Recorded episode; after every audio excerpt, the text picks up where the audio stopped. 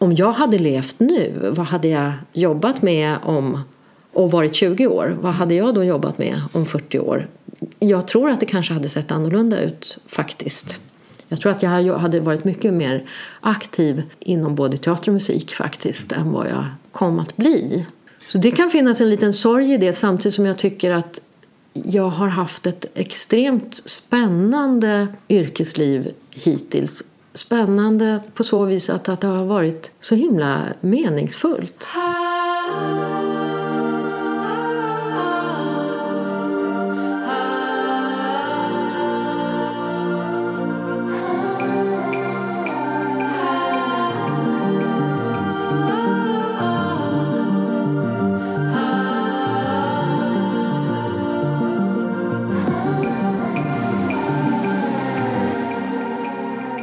Jag heter Palme Lybrand och du lyssnar på Queer Story. I det här avsnittet har jag pratat med Eva.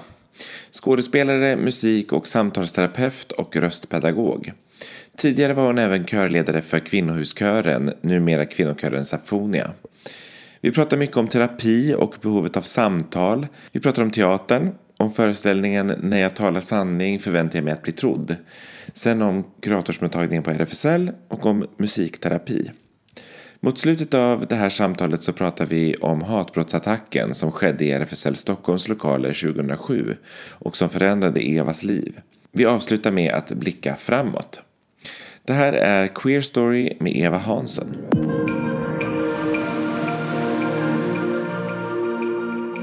Jag heter Eva Hansson och jag nu ska vi se här. Mitt pronomen det är hon. Det går också fint med den eller hen. Mm. funkar bra.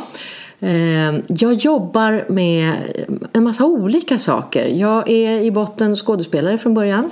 Sen så släppte jag teatern och utbildade mig till musikterapeut och samtalsterapeut. Sen utbildade jag mig till logonom, eller i princip. Jag ska väl erkänna att jag skrev aldrig den där uppsatsen så utbildningen är inte riktigt klar. Men jag jobbar som röstpedagog. Uh. Och har gjort det under ett antal år nu. Och till sist nu så har jag utbildat mig till besöks och terapihundförare. Så jag jobbar tillsammans med min hund inom vården. Vad gör man då med, tillsammans med? Med sin hund? Ja, alltså man kan göra jättemånga olika saker. Det vanligaste är väl kanske att man jobbar inom äldrevården gör besök hos gamla människor i grupp eller individuellt och det gör vi. Det kan handla om att man gör vitaliserande besök, det vill säga får upp lite glädje, lite lust. Eller så kan det vara eh, helt det motsatta, att man eh, kanske träffar någon som befinner sig i livets slutskede. Då kan Filur bara ligga i en, min kollega heter Filur, då kan hon bara ligga i en säng bredvid den här människan och sprida lite kroppsvärme och lite närhet och ofta så fungerar det som en, som en dörröppnare för samtal mm. om livet här och nu. Tankar som finns. Är det vanligt att arbeta så med eh, hundar? Det blir mer och mer eh, en, kan man väl säga, en ny metod att arbeta med hund i vården. Därför att hundens och människans relation är Ja, men den är, I hundens DNA så som det ser ut idag, den, den, har funnits tillsammans med människan i 15 000 år. Så vi, det brukar sägas att hundar är extremt duktiga på att läsa av människor och människors känslor. Tona in människor, som vi behöver göra i ett möte. Och de är till och med bättre än vad vi själva är många gånger. De har andra verktyg i sin verktygslåda än vad vi har. Så att eh, det kommer mer och mer. Man kan jobba med unga, man kan jobba med så, läshundar, med, hundar som dörröppnar i samtal och så vidare. så vidare. Eh, du sa logonom. Mm. Vad, vad är det? En logonom är ungefär en logoped light. Mm. kan man säga. En logoped jobbar ju med kliniskt sjuka röster som behöver på något sätt klinisk hjälp. Eh, en logonom jobbar med röstligt uttryck mm. och rösthälsa kan man säga. Så att jag har ju valt, eftersom jag har den där C-uppsatsen kvar, att inte kalla mig för logonom utan eh, också för att jag inte har jobbat kanske direkt. Jag har fokuserat verkligen på röstligt uttryck mm. och på kommunikation. Och på kommunikation i ett tredimensionellt perspektiv. Vad kommunicerar min röst? Vad kommunicerar min kropp? Och vad kommunicerar orden? Alltså ord, röst och kropp. Mm. Det är tre egentligen saker. Vi, vi tänker mest på våra ord. Och så tänker vi lite på kroppen. Men rösten glömmer vi ofta bort. Så att jag har jobbat mm, bland annat på Stadsteatern under några år som röst och textpedagog där. Och sen eh, så har jag lite elever och får lite uppdrag här och var, då och då. Men du driver också en HBT-mottagning.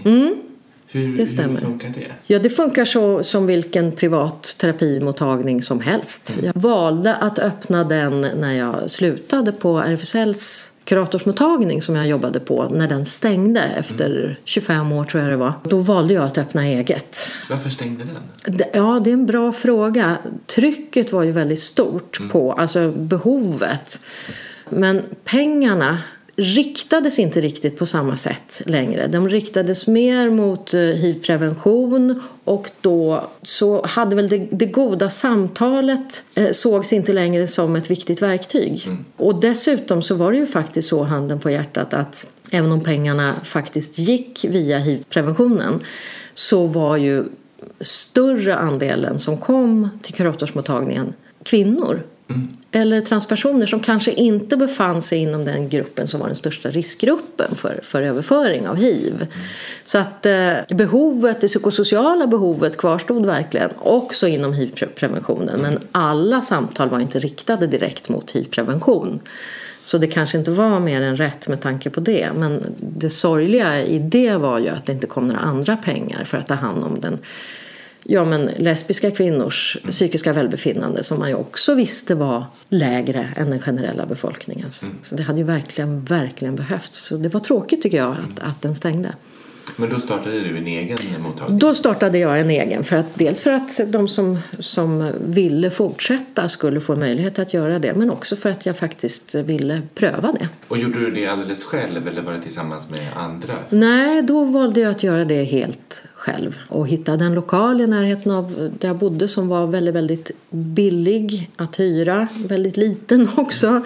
Men det gjorde att jag också kunde hålla ner avgifterna lite grann för att eh, annars är det ju svindyrt att få tag i en lokal i Stockholm idag. Det funkar ju liksom inte och då blir det ju svindyrt att komma till terapeuten också. Och de allra flesta i, som har kommit till mig har väl inte varit svinrika. Så det var, blev en bra kombination tyckte jag. Mm. Och, för det var så över landet i stort att man stängde ner eh, mottagningen? Nej, det så, alltså det fanns, då fanns det Stockholm, Göteborg, Malmö och jag vet att Göte, i Göteborg, jag, jag kommer inte ihåg exakt hur det gick där, men jag tror att Ja, det blev en förändring där i alla fall, men i Malmö så, så gick det bra att fortsätta. Vad skulle man kunna säga är liksom de vanligaste sakerna idag som man pratar om? Ja du, det är... Det första, det spontana som dök upp i mig, jag tror att det egentligen är exakt samma sak som du tar upp på en, på en vanlig straight mottagning eller i ett möte med där du förväntas vara straight. Det är livet i stort. Det är relationer, det är separationer, det är sorgeprocesser, det är mamma söp när jag var liten eller eh, mamma eller pappa var inte där i tillräcklig grad och jag har fått dåligt självförtroende. Och den typen av frågor handlar det väldigt mycket om, tycker jag. Så det skiljer sig ju inte i stort. Sen så kommer hbtq-identiteten som en krydda ovanpå det. Och den finns ju alltid med på ett eller annat sätt. Det innebär ändå fortfarande tyvärr en speciell position i vår kultur att ha en hbtq-identitet. Speciellt om du landar inom T eller Q, tänker jag. För de frågorna har ju halkat efter eller kom inte upp på agendan ordentligt samtidigt som HB-frågorna. Upplever du eh, att det är skillnad idag om man jämför med då du var via RFSL på liksom de frågor som personer kommer till dig med? Nej, jag gör egentligen inte det så här när jag får frågan spontant. Det är nog ungefär samma saker som det handlar om. Möjligen att det märks ju verkligen att det sker saker. Alltså rent politiskt och lagstiftningsmässigt och att det påverkar alla hbtq-personers liv i rätt riktning. Men det är ju fortfarande väldigt mycket kvar att göra naturligtvis. Det tycker jag ju. Jag jobbade ett tag som, eh, eller jag var volontär lite på RFSL med startgrupperna. Ja, okej. Eh, och när jag berättade det i ett straight sammanhang eller kanske på jobbet och sådär, då var det som att Eh, för det var liksom inte så konstigt för mig. Nej. För att jag tänker att alla i alla tider har behövt liksom ett, ett rum där man kan få liksom man är ny i ett fält. Man behöver veta vad det här är, med identiteten och sådär. Och jag upplevde att vä- väldigt många straighta som inte riktigt förstod att det behövdes. Eh, jag förstår ju hur man tänker just eftersom det har hänt mycket lagstiftningsmässigt. Vi finns på ett annat sätt representerade i tv-rutan och sådär. Men å andra sidan så gör vi ju inte det heller för det är ju alltid filtrerat på något sätt. Och det är också alltid en viss procent och sådär. Och det är alltid individuellt, eh, liksom historien kring en själv. Behovet finns. Ja. Och att det ser ungefär likadant ut, det tycker jag är liksom väldigt spännande Ja. att prata om. Jo, men det är klart att det fortfarande finns det kommer jag ihåg från RFSL när vi körde, jag var med och körde en av de här piloterna som vi hade kring HBT-certifieringarna. Och där var det, jag kommer inte ihåg om det var en läkare eller en psykolog, det spelar inte så stor roll, men någon, någon av de två yrkesrollerna tror jag den här personen hade som sa att men herregud ska vi verkligen behöva hålla på med det här? Det är ju ändå på 2000-talet. Och ja, det behöver vi. det var ju det enkla svaret. Och det handlar ju om att det naturligtvis är svårt att förstå en position, tänker jag, som man själv inte har erfarenhet av att ha varit i. Det behöver man liksom lära sig. Det behöver man lära sig som omsorgsperson eller person inom vården. Det är fortfarande viktigt. Men kunskapen är mycket, mycket större nu. Mycket, mycket större än vad den var för, låt oss säga, 10-15 år sedan. Det tycker jag verkligen. Det märks ju bara på hur vi använder pronomen, att pronomenet hen finns i offentliga dokument och det är jättehärligt tycker jag. Det är Verkligen. viktigt. Jag jobbar på RFSL Stockholm varje termin med en grupp som heter Transit som är en stödgrupp för unga transsexuella som befinner sig i närheten av eller i transition. Och det är ju fortfarande så att T-frågorna ligger långt efter HB-frågorna, precis som jag sa. Och att behovet av stöd blir så himla stort för den här gruppen just unga. För de är så extremt beroende av hur omgivningen reagerar eller inte reagerar. Också tystnaden är ju extremt smärtsam. Att välja bort att säga rätt pronomen eller, eller att säga rätt namn eller vad det nu kan handla om är ju ett osynliggörande som är extremt plågsamt. Mm. Jobbar ni i grupp där då? Ja, då är det en grupp. Då får de, de deltagarna anmäla sig och så jobbar jag tillsammans med en kollega som heter Kalle Norvald. Så vi är två terapeuter som, som är samtalsledare för den här gruppen. Och så finns det en peer-to-peer-grupp också som är personer med egen transerfarenhet som mer har ett pedagogiskt upplägg medan vi har en terapeutisk beredskap i den här gruppen. Är det det det betyder, peer-to-peer? Ja, att li, lika lär lika, typ ungefär. Och, hur ofta träffas ni? Eller? Ja, det, är, det är en grupp som träffas åtta gånger bara. Så det är, det är inget djuplodande. Vi hinner nätt och jämnt lära känna varandra. Och så hinner vi öppna lite dörrar och så hinner framför allt så blir det ju liksom en spelplats där Ja, men precis det du pratade om, startgrupperna. Här är det ingen som, som kommer ifrågasätta mig, eller, utan tvärtom. Här, här kan vi förstå varandra och förstå att nej, men så himla ensam som jag var kanske jag inte är. Eller det finns åtminstone andra som delar den här djupa känslan av utanförskap och ensamhet ibland. Och att man kan gå tillsammans sen och Ja. sen det som växer ut utav det. Ja. Tillsammans och kanske börjar umgås om man gillar varandra. Så blir det ju, precis som startgruppernas Ja. tanke var att, att här kan vi också förhoppningsvis hitta varandra. Och det funkar ju ibland och då är det ju underbart. Det var en grupp vet jag som startade en liten broderiträff efteråt sa de att de skulle göra när gruppen var avslutad. Så det var ju jättehäftigt. Fint. Ja, ja jättefint. Hur, eh, hur var din uppväxt? Det var en stor fråga. jag växte upp med en mamma och en pappa och en stora syster i en Stockholmsförort. När är du född? 59. 59? Jag är en sån där 59 som är 59 år. Och är född 59. Just It's magic. det, verkligen. verkligen. Nej, men jag växte upp med mamma pappa och stora syster som är några år äldre än mig. Och hon var ju, blev ju mycket min ja, men, eh, till och från idol också. Som sys- stora syskon blir om man har det hyfsat bra ihop, vilket vi verkligen hade. Är det många år emellan? Ja, det är tre år. Ja. Eh, Så, så, och det kan ju vara rätt mycket. Jag minns när, när hon började sjuan och jag började fyran. Då blev hon min idol verkligen. För då var hon ju jättestor. Åh, vad så häftigt att ha en stora syster. Vad var det som var häftigt med henne? Ja, men alltså det var väl inte... Ja, men det var inget speciellt. Det var väl nog mest bara det att hon var stor. Mm. På något sätt. Jag liksom började titta in i vuxenlivet. Jag var ju inte alls där. Mm. Så det var häftigt. Men det som hände i vår familj var ju att min syster när hon gick på gymnasiet kom hem och berättade att hon hade blivit kär i en tjej. Och eh, först pratade hon med mamma och pappa. Och sen så pratade hon med mig.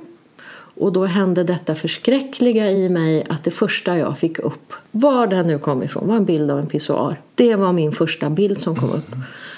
Det är ju hemskt alltså, men så var det. Mm. Och sen så gick det ju bara några minuter och hon berättade hur kär hon var och då falnade ju mycket snabbt den där bilden av pissoaren och jag tyckte bara det var jättespännande. Men det blir ju ett uttryck för ja, vad hade jag växt upp med och hur såg man på homosexualitet som det ju handlade om då, på den tiden. Kunde Någon... du då koppla vad den där pissoaren betydde? Nej, men det var ju berättelser jag naturligtvis hade hört talas om och säkert när det handlar om bögar som träffas på pissoarer och har anonymt sex och liksom, ja, det var liksom det som, som kom upp och det var ingen vacker bild. Mm. Det kan väl kanske upplevas vackert av andra men det, för mig var det inte det och inte då utan det var en, det var en obehaglig bild. Men som sagt, jag var ju tack och lov tillräckligt ung för att jag skulle kunna ha lätt för att släppa den och liksom gå med i min systers känsla som ju var eufori på något vis. Hon var ju dökär. Mm.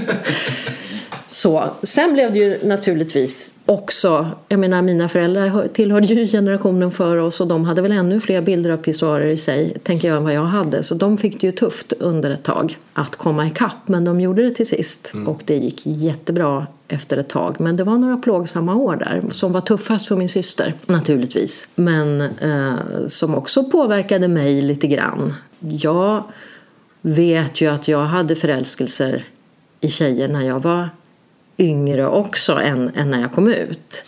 Så där, jag gick och ritade hjärtan i snön och så där när jag var typ tio. Och med någon, någon, som jag var kär i och så. Så det, det, vet jag ju om. Och att jag missionerade verkligen för min systers sak när jag gick på gymnasiet och sa, jag sa till mina vänner att ja, men om jag skulle upptäcka att jag var kär i en tjej då skulle jag minsann inte tveka. Vilket jag ju gjorde. Jag var ju kär i jättemånga kompisar mm. då. Men det var för svårt. Det gick inte för mig. Utan jag fick lov att bli typ 20-21 någonting innan jag verkligen inte kunde motstå när det verkligen klickade med ett dån i mig också. och jag blev jätte, jätteförälskad i min första stora kärlek i livet som Men, var en tjej. Kunde du då tidigare när du, när du liksom ritade de här hjärtorna för, förstod du att det handlade om den typen av kärlek? Eller var det, var det som att du hade mm. orden för det? Eller Nej. var det någonting annat? Inga ord. Nej. Inga ord då. Inte före min syster kom ut. Mm. Då fick jag ju ord. Mm. Uh, och visste du då att det också eh, rörde dig själv? Nej, inte på ett medvetet plan. Nej. Absolut inte. Det kom inte upp förrän... Nej, men det, jag erkände det ju inte heller för mig själv på gymnasiet eftersom jag hade de här samtalen och tänkte jag ska minsann inte tveka. Men det, det var, jag stängde ju den dörren i mig mm. själv. Jag tror mycket att det handlade om... Jag såg det som min uppgift att jag skulle vara den normala i familjen för att vi skulle vara lyckliga och för att mamma och pappa skulle vara lyckliga. Ja, jag tror att det var mycket det som stoppade faktiskt. Men sen till sist så, så valde jag ändå att säga ja till den sidan i mig själv.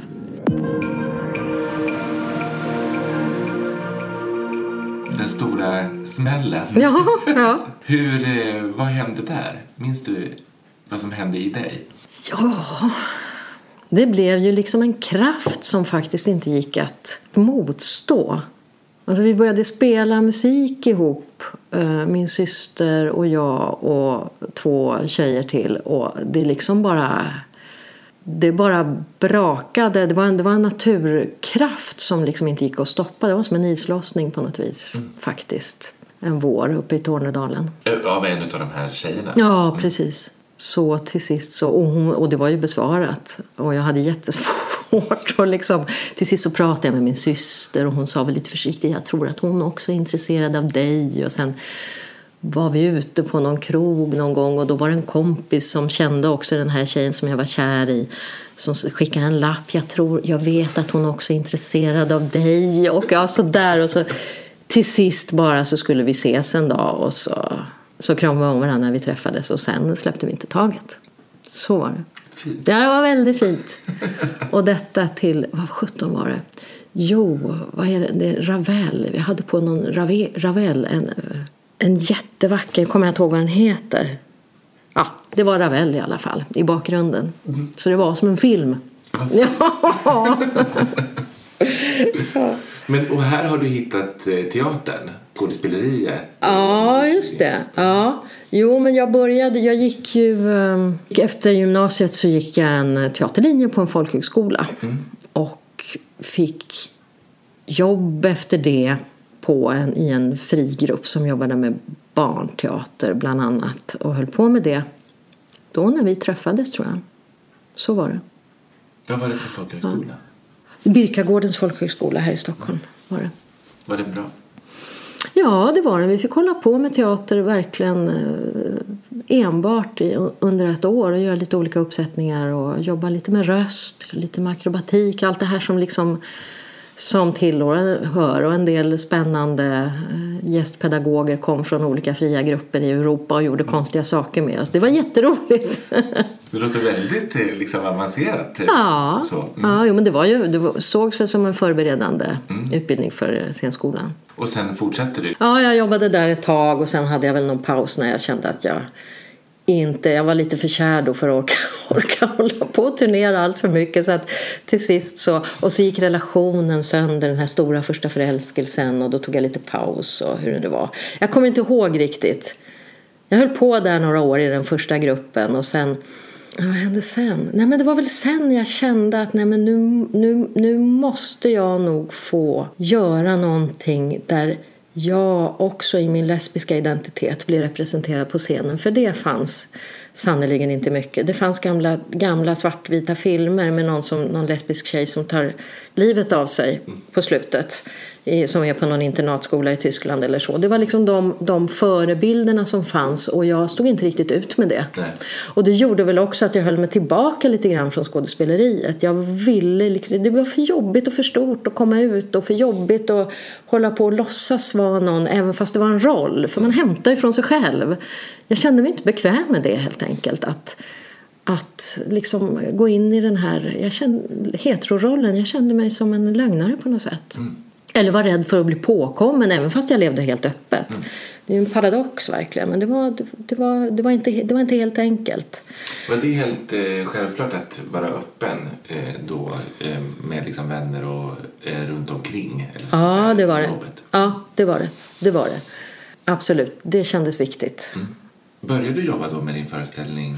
Ja, då började jag jobba. Då gjorde jag en föreställning eh, som hette Jag är väl inte sån. Nej, när jag, när jag talar sanning förväntar jag mig att bli trodd, heter den. Och jag började göra den då eh, efter att ha läst Gerd Brantenbergs bok som på original heter Upp alla jordens homofiler. Men som på svenska hette Jag är väl inte sån heller.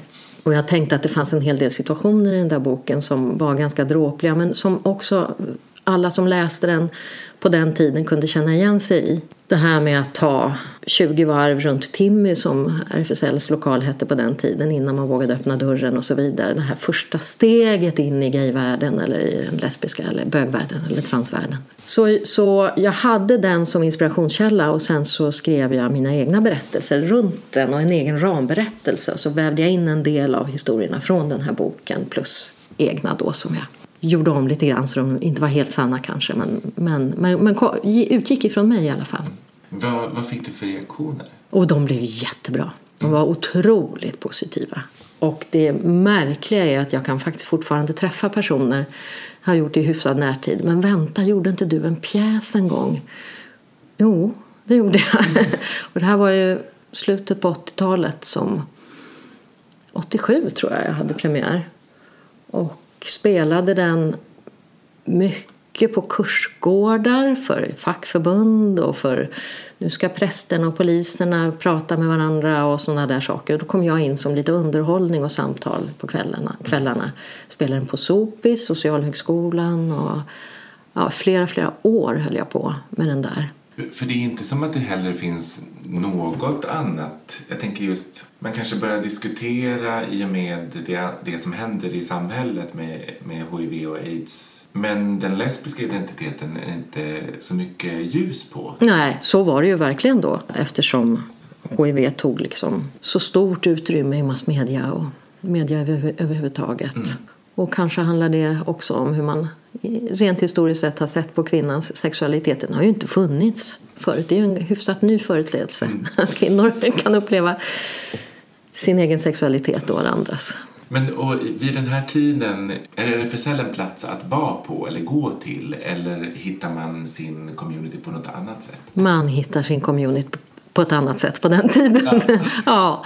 Jo men så var det, det var ju väldigt separatistiskt. Det var män för sig, bögar för sig och kvinnor och flator för sig. Och kvinnorörelsen hade ju exploderat och bakom den och i den fanns jättemånga lesbiska kvinnor. Så var det Och det fanns ett kvinnohus och så vidare. Och det fanns eh, alla möjliga olika typer av kulturyttringar också. Mm. Med musik och, ja, inte så mycket teater, lite grann, men, men i huvudsak musik. Så att jag fanns inom, eh, inom kvinnohuset och in i musikvärlden kan man säga. Dels med lite olika band, men också så började jag... Min syster startade en lesbisk kör som då kom att heta Kvinnohuskören mm. som numera heter Kvinnokören Sapfonia. Och efter tre år så tog jag över den och ledde den i dryga 20 år. Så att det har ju verkligen också varit en plattform för den lesbiska kulturen och för att på något sätt ta plats i det offentliga rummet med här, här är vi. Mm. Hallå! Mm. Hur var det att ta över den? Eller hur, hur kändes det? Ja, men det var ju jätteroligt. Mm. Det var extremt stimulerande. Hur många är det i kören? Ja, nu, det har varierat genom åren väldigt mycket. Det har väl all, varit allt mellan typ 20 och 48. Mm. Jag vet att när vi var som störst, när jag höll i kören då då satte vi stopp vid 48 för att vi tyckte fyra, eller 12 personer i, i varje stämma och fyra personer, eller fyra stämmor det räckte för att vi skulle, bli, blir det fler då, då kan, vi, kan vi inte längre relatera till varandra. Och det var ju också så att eftersom som den här kören var sprungen ur kvinnorörelsen och, och verkade där en del så, så jobbade vi med konsensus som man ju gör i kvinnorörelsen, eller gjorde då i alla fall extremt mycket och det innebar ju långa och ibland ändlösa diskussioner kring var det var okej okay att sjunga eller inte. Och, 48 var definitivt maxgränsen. Jag ska inte, jag ska inte, jag ska, konsensus är något väldigt vackert men det kan bli problematiskt i en, i en stor grupp mm. eh, naturligtvis. Minns du liksom någon särskild sånt ställe som, var, som ni hade mycket diskussion i? Ja, kyrkan. Mm. Därför att vi blev ju väldigt tidigt inbjudna att, till frigörelseveckorna som det hette då, sjunga på på eh, frigörelsegudstjänsten på söndagen som ju nu också finns under Pride. Och det fick vi nog tacka nej till ganska många gånger innan vi kom fram till att vi kunde kliva in på vårat sätt. Mm. Och då minns jag, minns jag, det var väl Lars Karlsson va, som var biskop i, i Sverige. En, en viktig, viktig, viktig stund var när han på en av de här mässorna sa Istället för i Faderns, Sonens och den heliga Andes namn så sa han i moderns jag ska säga, Faderns, son, Moderns, dotterns och den heliga livgiverskans namn. Så han, han valde att ändra språket för att göra det mer inkluderande. Och tänk så viktigt det blev för mm. många. Och då, då valde ni att liksom få vara med? Ja, eller det, det var, då, då hade vi väl klivit in. Så då valde, valde, vi att vara med. Och också var vi, många, alltså, den där kören har ju varit fantastisk på många sätt. För det har ju också gjort att vi allihopa som individer i den här konsensuskulturen faktiskt har fått lov att formulera oss själva inför varandra. Vad är det jag vill egentligen? Vi hade alltid ett budskap som vi ville förmedla på ett eller annat sätt och det var ju det som gjorde att tror jag att kören blev så pass väl mottagen av de som lyssnade även fast det kanske inte alltid lät toppen. För alla fick ju i princip vara med som ville. Så det var ingen kör som, som liksom på något sätt eh, var skitbra rent ut sagt. Utan, men det var en kör som ville väldigt mycket. Och som hade någonting som var viktigt att förmedla. Och där låg styrkan. Och den gick över scenkanten även om det skar sig lite ibland, ibland och inte var helt rent. Det kan till och med vara starkare ibland. Ja men absolut. Utan det så är det, så är det ingenting skulle jag vilja påstå. Mm. Även om det är helt klangligt rent. Och vad fick ni för reaktioner när ni väl sen klev in i kyrkan? Var det, var det, eller det kanske inte var så mycket reaktioner på det? Nej, jag tror inte det. Mer än att det kanske blev viktigt för de kvinnor som satt där i publiken. För hur det nu än är så är ju det här, har vi de här två kategoriseringarna eh, i vår kultur som är det, det binära tänkandet kvinnor och eller män som är en så stark kategorisering som gör att saknar vi representation så blir det problematiskt, tänker jag. Vi behöver förstå att vi alla finns. Mm. Eh, och nu behöver vi också se till att vi klarar av att vara icke-binära. Mm. Mm. Man kanske också glömmer bort vilken typ av diskussion också, för det här var under 90-talet som ni... Mm, det var det nog ja. ja. Mm. Att, det, att det är ju en otrolig diskussion inom kyrkan kring mm. de här frågorna. Också upp till äktenskap, eh, ska man få gifta sig i kyrkan mm. som samkönat par och sådär. Att eh, det var ju en, liksom en hetsk debatt mm. på något sätt som idag kanske man lite har glömt bort. Mm. Jo men absolut. Mm. Det och, och eh, ska, ska homosexuella få ha barn? Mm. När hela adop adoptions... Ehm, det var ju egentligen det det handlade om. Mm. Eh, adoptionsutredningen och, och, och liksom diskussionerna och debatten kring den. Mm kom ju att handla om ja, men ska homosexuella få ha barn egentligen i botten. Och där fanns alla homosexuella som hade barn och alla barn som hade homosexuella föräldrar som tvingades höra det här. Det är ju förfärligt. Nej, det är ju bedrövligt att behöva bli så, så ifrågasatt som barn, tänker jag.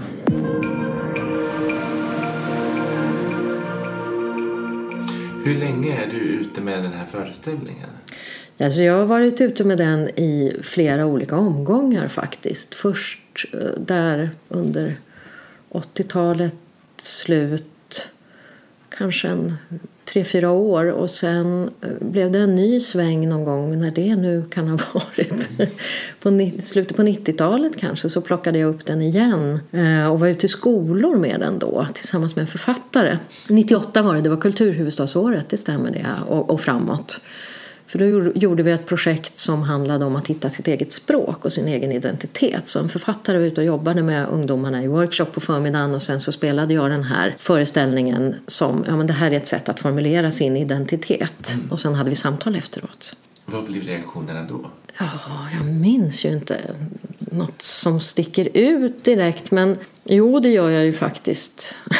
I huvudsak ska jag säga först, och det är det allra viktigaste, så blev det nog ganska bra reaktioner. Alltså av typen Nej men nu fattar jag mycket bättre eller Jaha, ja, men det, jag har tänkt så här förut, nu tänker jag så här och då i positiv riktning. Men jag var också ute i ett extremt eh, utsatt, socialt utsatt område i södra Stockholm där det var ett gäng eh, med grabbar som inte riktigt någon i skolan ville ta i som skulle få se den här föreställningen.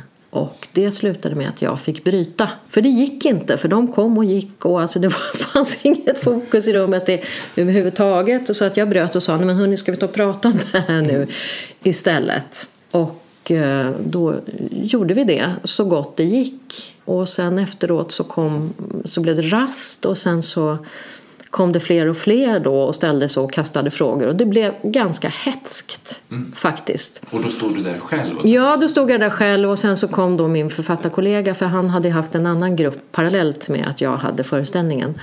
Så kom han också och hjälpte till i samtalet och så fick vi välja att avrunda. Men här var det väl alldeles för provocerande att komma som kvinna och bara som kvinna och ta den platsen och dessutom som lesbisk kvinna då, eller det gissar jag att de antog att jag var i alla fall. Det blev för svårt. Samtidigt, nyfikenheten var enorm men det landade liksom på ett personligt plan, alltså där, där ju där vi idag använder normkritiken och den normkritiska pedagogiken för att kunna lyfta problemet med med att tillhöra olika grupper och att vara normperson eller normbrytare. Och det, det, liksom, det, det, sätter saker och ting på rätt plats. Men det landade i det personliga. Det var svårt att liksom värja sig när jag stod liksom som någon slags Ja, jag vet inte. Jag kände mig som någon slags hund som stod innesluten i en ring med massa som kastade saker på, frågor på mig. Liksom. Det var svårt. Att, jag kunde inte ta mig ur riktigt på något sätt.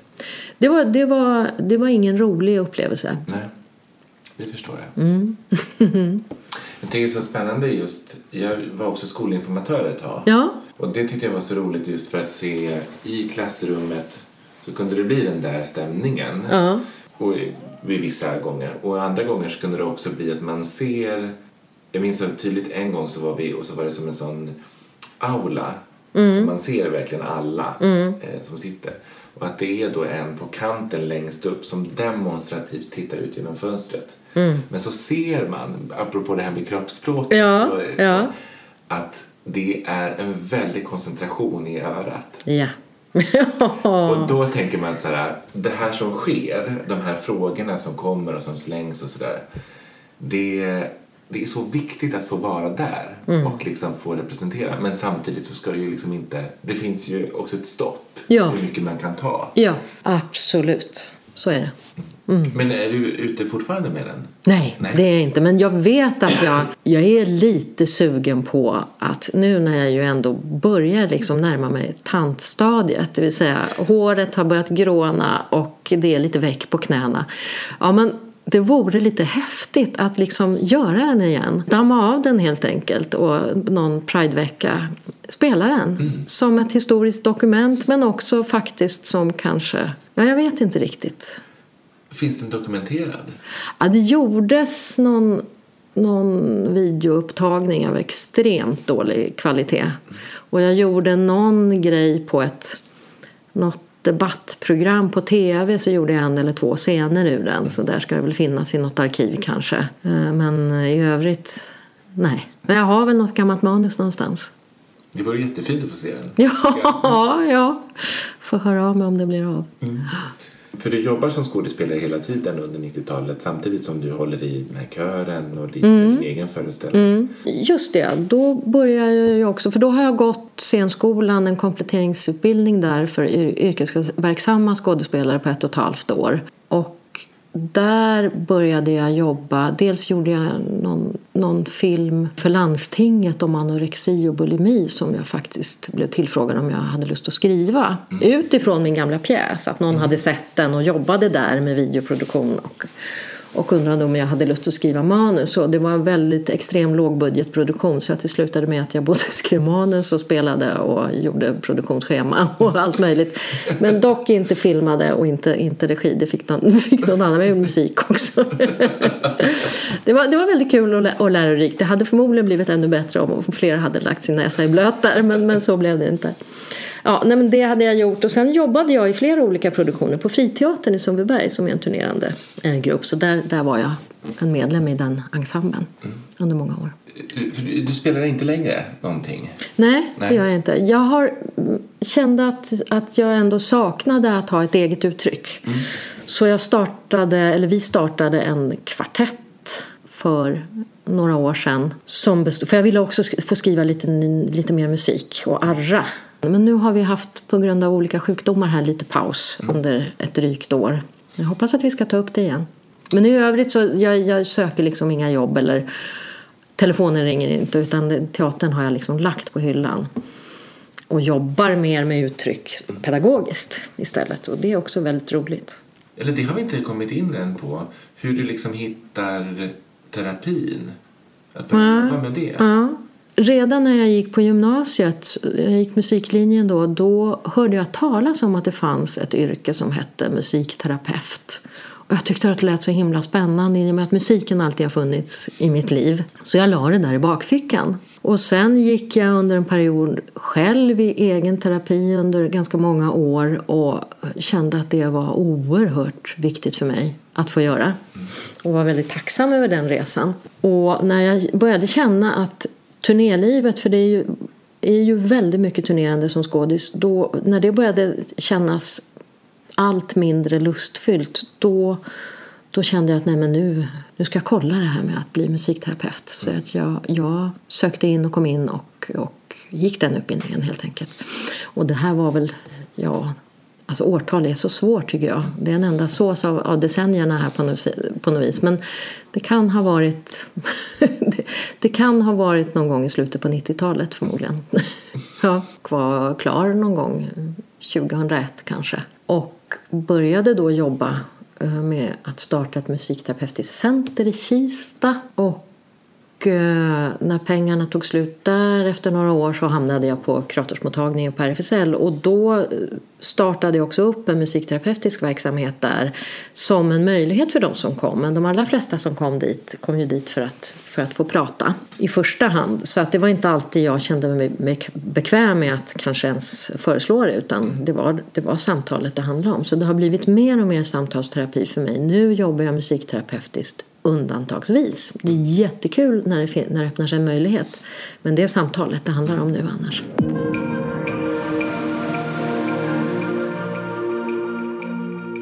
På RFSL, eh, hade du jobbat med RFSL tidigare eller varit medlem och liksom sådär? Ja, jag hade varit medlem och det är klart att jag blev ju en extremt synlig person i och med att jag både var körledare för den här kören och att jag gjorde den här föreställningen så blev jag ju väldigt synlig under en period i hbt-världen som, som lesbisk kvinna då. Så, så vi hade ju gjort, ja men i frigörelseveckorna och så mm. vidare, då blev jag ofta kontaktad att vara med. Men det var liksom kulturscenen det handlade om hela mm. tiden. Så jag var inte politiskt, alltså det går inte att skilja de två åt för mig egentligen. Nej. Men jag jobbade inte aktivt i föreningen, men jag jobbade på en annan arena, men mm. för samma sak. Ja, det var inte konstigare än, än, att samtidigt som pengarna tog slut på Musikterapicentrum så kom en annons att man sökte en, en kurator till kuratorsmottagningen. Och jag sökte det jobbet och fick det. Mm. Och då var det jätteroligt att komma till RFSL tycker jag. För att det var sån skillnad mot när jag liksom hade varit, började vara aktiv inom HBT-rörelsen. Och eh, då, fann, då fanns ju ett möte mellan kvinnor och män som inte hade funnits förut. Som var jättehärligt. Och, och kvinnor och tjejer och killar och män var kompisar liksom, och bästa vänner. Och det var helt enkelt inte så vanligt på slutet på 80, eller på 80-talet. Va, va, va, hur kunde det bli så? Det behövdes en sån här separatistisk period. Mm. Vi behöver hitta varandra och våra likar för att växa och bli starka i oss själva. Precis som, som det är jätteviktigt med, de här, med transpersoner att hitta varandra nu eftersom det, deras sak inte har kommit lika långt så var det viktigt för kvinnorna då att slippa liksom hålla på och kämpa utan bara kunna ägna sig åt att växa istället för att slåss för den platsen. Och sen när det väl hade skett, ja men då var vi ju starkare. Mm. Och då kunde vi ju träffas igen. Mm. så tänker jag att det gick till. Var du själv kurator eller fanns det fler i den här mottagningen? Nej, vi var, vi var två uh, kuratorer slash terapeuter mm. som jobbade. Mm.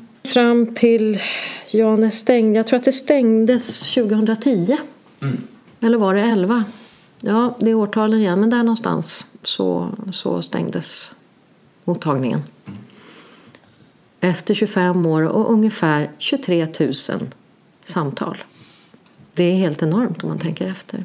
Och det startade ju som också ur, ur hiv-behovet att få prata om vad som hände när hiv blev mångas vardag.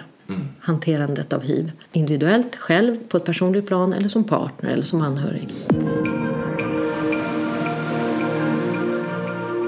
Eh, så om du liksom skulle få välja helt fritt mm. ditt liv, finns det någon särskild situation som du skulle vilja se gestaltad på något sätt? Mm. Alltså egentligen så, uh, du skrev ju den här frågan till mig och precis innan vi skulle ses så började jag tänka på den och då dök det ju upp en sak som hände uh, när jag jobbade på RFSL men som som jag ju egentligen i sig inte vill se gestaltad. Eller det vill jag absolut inte göra. Men jag skulle vilja se jag skulle vilja se hur en person som var med i det här, vad som hände inuti den personen. Mm. Det skulle jag vilja se. Och det som hände var att jag blev eh, utsatt för ett hatbrott. Och det kom in en man eh, som på, på RFSL Stockholms lokaler som då låg på Sveavägen. Och han var ute efter att göra någon typ av manifestation för att få ta plats i media, helt enkelt. Han var skitförbannad på jag tror att det var yttrande och tryckfrihetslagen. Han tyckte att eh, homolobbyn tog för stor plats. Mm. Så det var hans ingång och han hade med sig en yxa. Och eh, jag gick ut i ett stort rum där det fanns ett litet pentry och såg en man stå där och helt plötsligt så kände jag bara att någonting träffade min rygg. Och sen minns jag inte mer. Eh, så att han försökte helt enkelt eh, slå ner mig med den där yxan, vilket han ju lyckades med. Men jag hade också både en stark röst och en skyddsängel med mig i den där stunden. Så det som hände var att han sprang därifrån och eh, jag fick hjälp och fick hamna på, ja, jag fick åka ambulans och vad det nu var. Det blev en himla massa press kring det här och det blev, det blev ju en, en attack på hela hbt-rörelsen. För att mm. i vårat trygga rum, i våra lokaler där vi ska kunna vara mm. sä säkra, där skedde det här. Så det var liksom inte bara någonting som hände mig personligen utan det hände hela hbt-rörelsen. Och det blev väldigt tydligt uppe på kansliet där och för, för personalen som ju fick kämpa naturligtvis med sin krisbearbetning och jag gjorde min på mitt håll och var sjukskriven under en period. Och han, lyckligt nog, angav sig själv efter bara 20 minuter. Och det där, var, det där satte igång en massa tankar hos mig. Vad var det egentligen som hände? Det var otroligt skönt för mig att han angav sig själv och att han faktiskt förklarade vad det handlade om. För det gjorde ju att jag kände mig inte personligen eh, utsatt. Även fast jag gjorde det på ett annat plan. Men jag förstod att han var inte ute efter mig. Jag behövde liksom inte vara rädd för det. Men eh, jag funderade väldigt mycket kring och fick väldigt, jag hade varit på ett bröllop precis innan. Och där hade eh, ett, ett, ett, par tjejer som gifte sig, kompisar till mig, de hade en, en sångerska som sjöng Håll mitt hjärta. Som Håll mitt hjärta, håll min själ. Ja, den är jättefin. Den där melodin den kom till mig när jag låg på Karolinska den där natten efter. Och den bar mig liksom igenom hela den där natten. Håll mitt hjärta.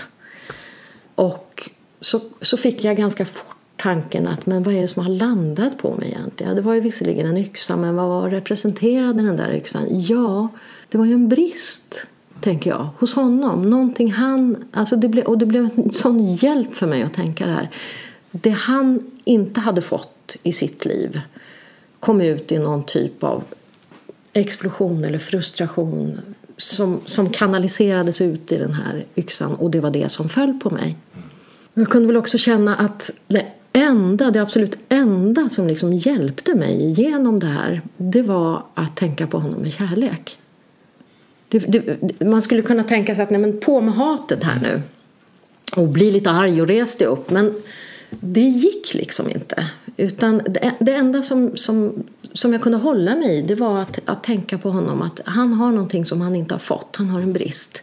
Sen har jag ju kunnat bli förbannad naturligtvis på honom också efteråt och tänka att man, man får faktiskt inte göra Man får inte ta en yxa och, och slänga på en annan människa. Det är inte okej. Okay.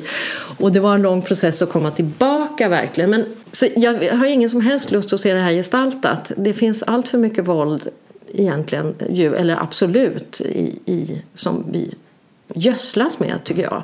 Inte minst via tv. Och liksom, sitter man en fredag eller lördagkväll och zappar lite grann så är den ena pickadollen efter den andra och, och blod som kommer ut genom rutan. Det är hemskt tycker jag. Skitsamma.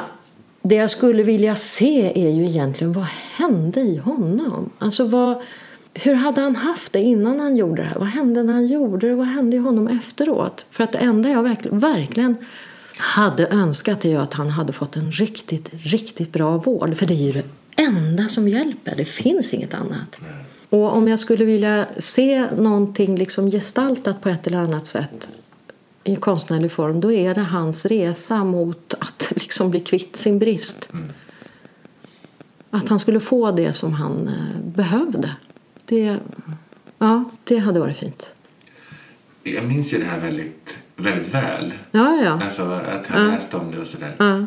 Hur var det liksom att komma tillbaka till jobbet? När ja, det sånt? var ju skitjobbigt. Först var det ju en... Jag var ju borta... Ja, det var väl ett, ett halvår.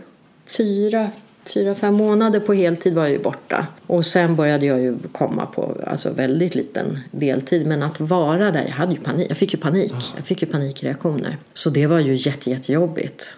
Och det påverkar ju en hel eh, arbetsgrupp, en hel personalgrupp, hur vi relaterar till varandra. Och alla var ju väldigt spända också inför hur det skulle bli att jag kom tillbaka. Skulle jag gå där och darra och det skulle bli skitjobbigt för dem eller skulle jag klara av det? Och det var ju en blandning av allt det. Och ibland var det de som, någon, som, någon av dem som darrade och satt i mitt knä och blev omhållen. Ja. Och, och, och liksom, alltså det var ju, men jag darrade väldigt mycket och fick, kunde liksom verkligen helt plötsligt reagera. Och jag kommer inte ihåg hur lång tid det tog, men det var ganska lång tid, kanske något år, innan jag liksom inte hade tänkt på det en enda gång på en arbetsdag. Och kunna gå ut till det där pentryt och inte känna något utan bara ta mitt vatten eller vad jag nu skulle göra.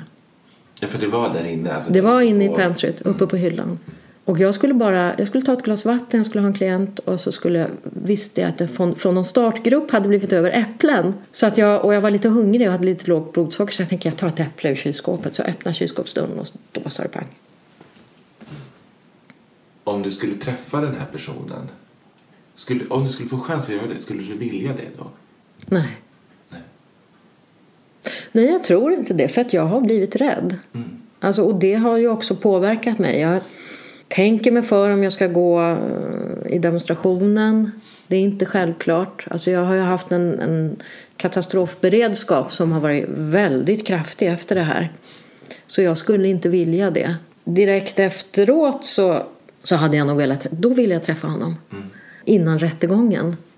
För jag ville säga saker till honom liksom. Och kände väl att det kanske skulle hjälpa. Men jag tror kanske inte att det hade gjort det. För det är klart att jag kan ju inte komma dit som någon slags gud eller ängel och göra honom, alltså få honom att må bättre.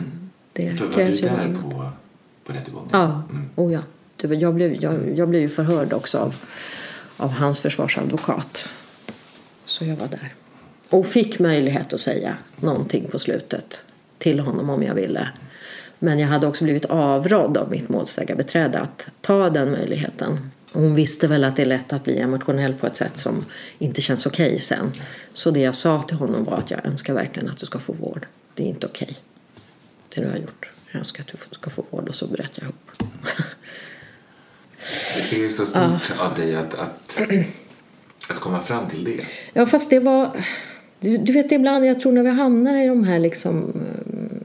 De här extremt utsatta stunderna i livet då... eh, Det är som vid en begravning. Det är som att det viktigaste blir kvar.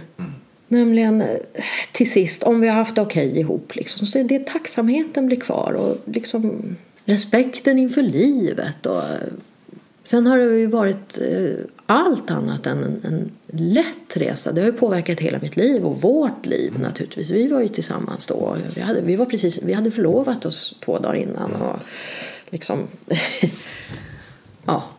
Ja, det kom, det, sånt här händer ju alltid när man minst anar det. Ja, ja, det, som jag, var i, ja, visst, jag var i liksom ett lyckorus i mitt liv och eufori i mitt liv just då. Och hade fått det väldigt, väldigt bra tycker jag. Då kom det här.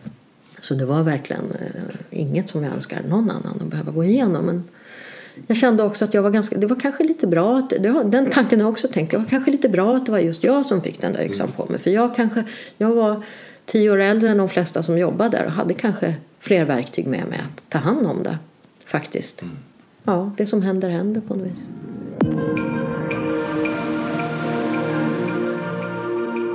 Hur ser ditt liv ut idag? Du är gift? Mm. Eh, hur länge har du varit gift? Ja, oj ja, det blir ju tio år. Grattis! Tack! ja, det blir det ju faktiskt. Idag så om jag ser yrkesmässigt så är det ju en märklig sak att vara, vara där jag är i livet nu. Alltså tankarna på att jag ska avsluta mitt yrkesliv har ju verkligen kommit upp. Och hur blev det? Hur blev livet då, so far? Det, det finns ju ingen garanti att vi alla lever imorgon. Och ju äldre jag blir, desto lättare blir det att tänka de tankarna ändå. För rent statistiskt sett så, så, så bör det ju komma närmare och närmre. Så att, och olika val i livet också. Om jag hade valt på något annat sätt, hur hade det sett ut då? Om jag hade levt nu, vad hade jag jobbat med om och varit 20 år, vad hade jag då jobbat med om 40 år? Jag tror att det kanske hade sett annorlunda ut faktiskt. Jag tror att jag hade varit mycket mer aktiv inom både teater och musik faktiskt än vad jag kom att bli. Så det kan finnas en liten sorg i det samtidigt som jag tycker att jag har haft ett extremt spännande yrkesliv hittills. Spännande på så vis att, att det har varit så himla meningsfullt. Eh, och det har väl alltid varit viktigt för mig. Jag har liksom inte velat, jag har inte, faktiskt inte varit eh, intresserad av att göra vad som helst utan jag har velat göra någonting som betyder någonting och gärna med HBT-anknytning. Eh, och det har jag faktiskt kunnat göra också. Det har varit himla kul. Om du skulle tänka på liksom den här 20-åringen som bara helt känner den här bang-känslan mm. över eh, kärleken. Mm. Om du skulle få ge ett gott råd eller få chans att säga någonting till den personen? Ja, då säger jag som min fru och min kära, go with the flow för tusan. Det är bara att ge sig hängivet det nu. Det är det enda vi vet. Och det är så himla lätt att liksom stoppa sig själv och inte tillåta sig själv att faktiskt ta till sig allt som livet har att erbjuda. Försök gör det. Ja, triddelipom. Tack snälla du för att jag har fått prata med dig. Tack. Det var otroligt fint tycker jag. Ja, mm. vad bra. Tack detsamma.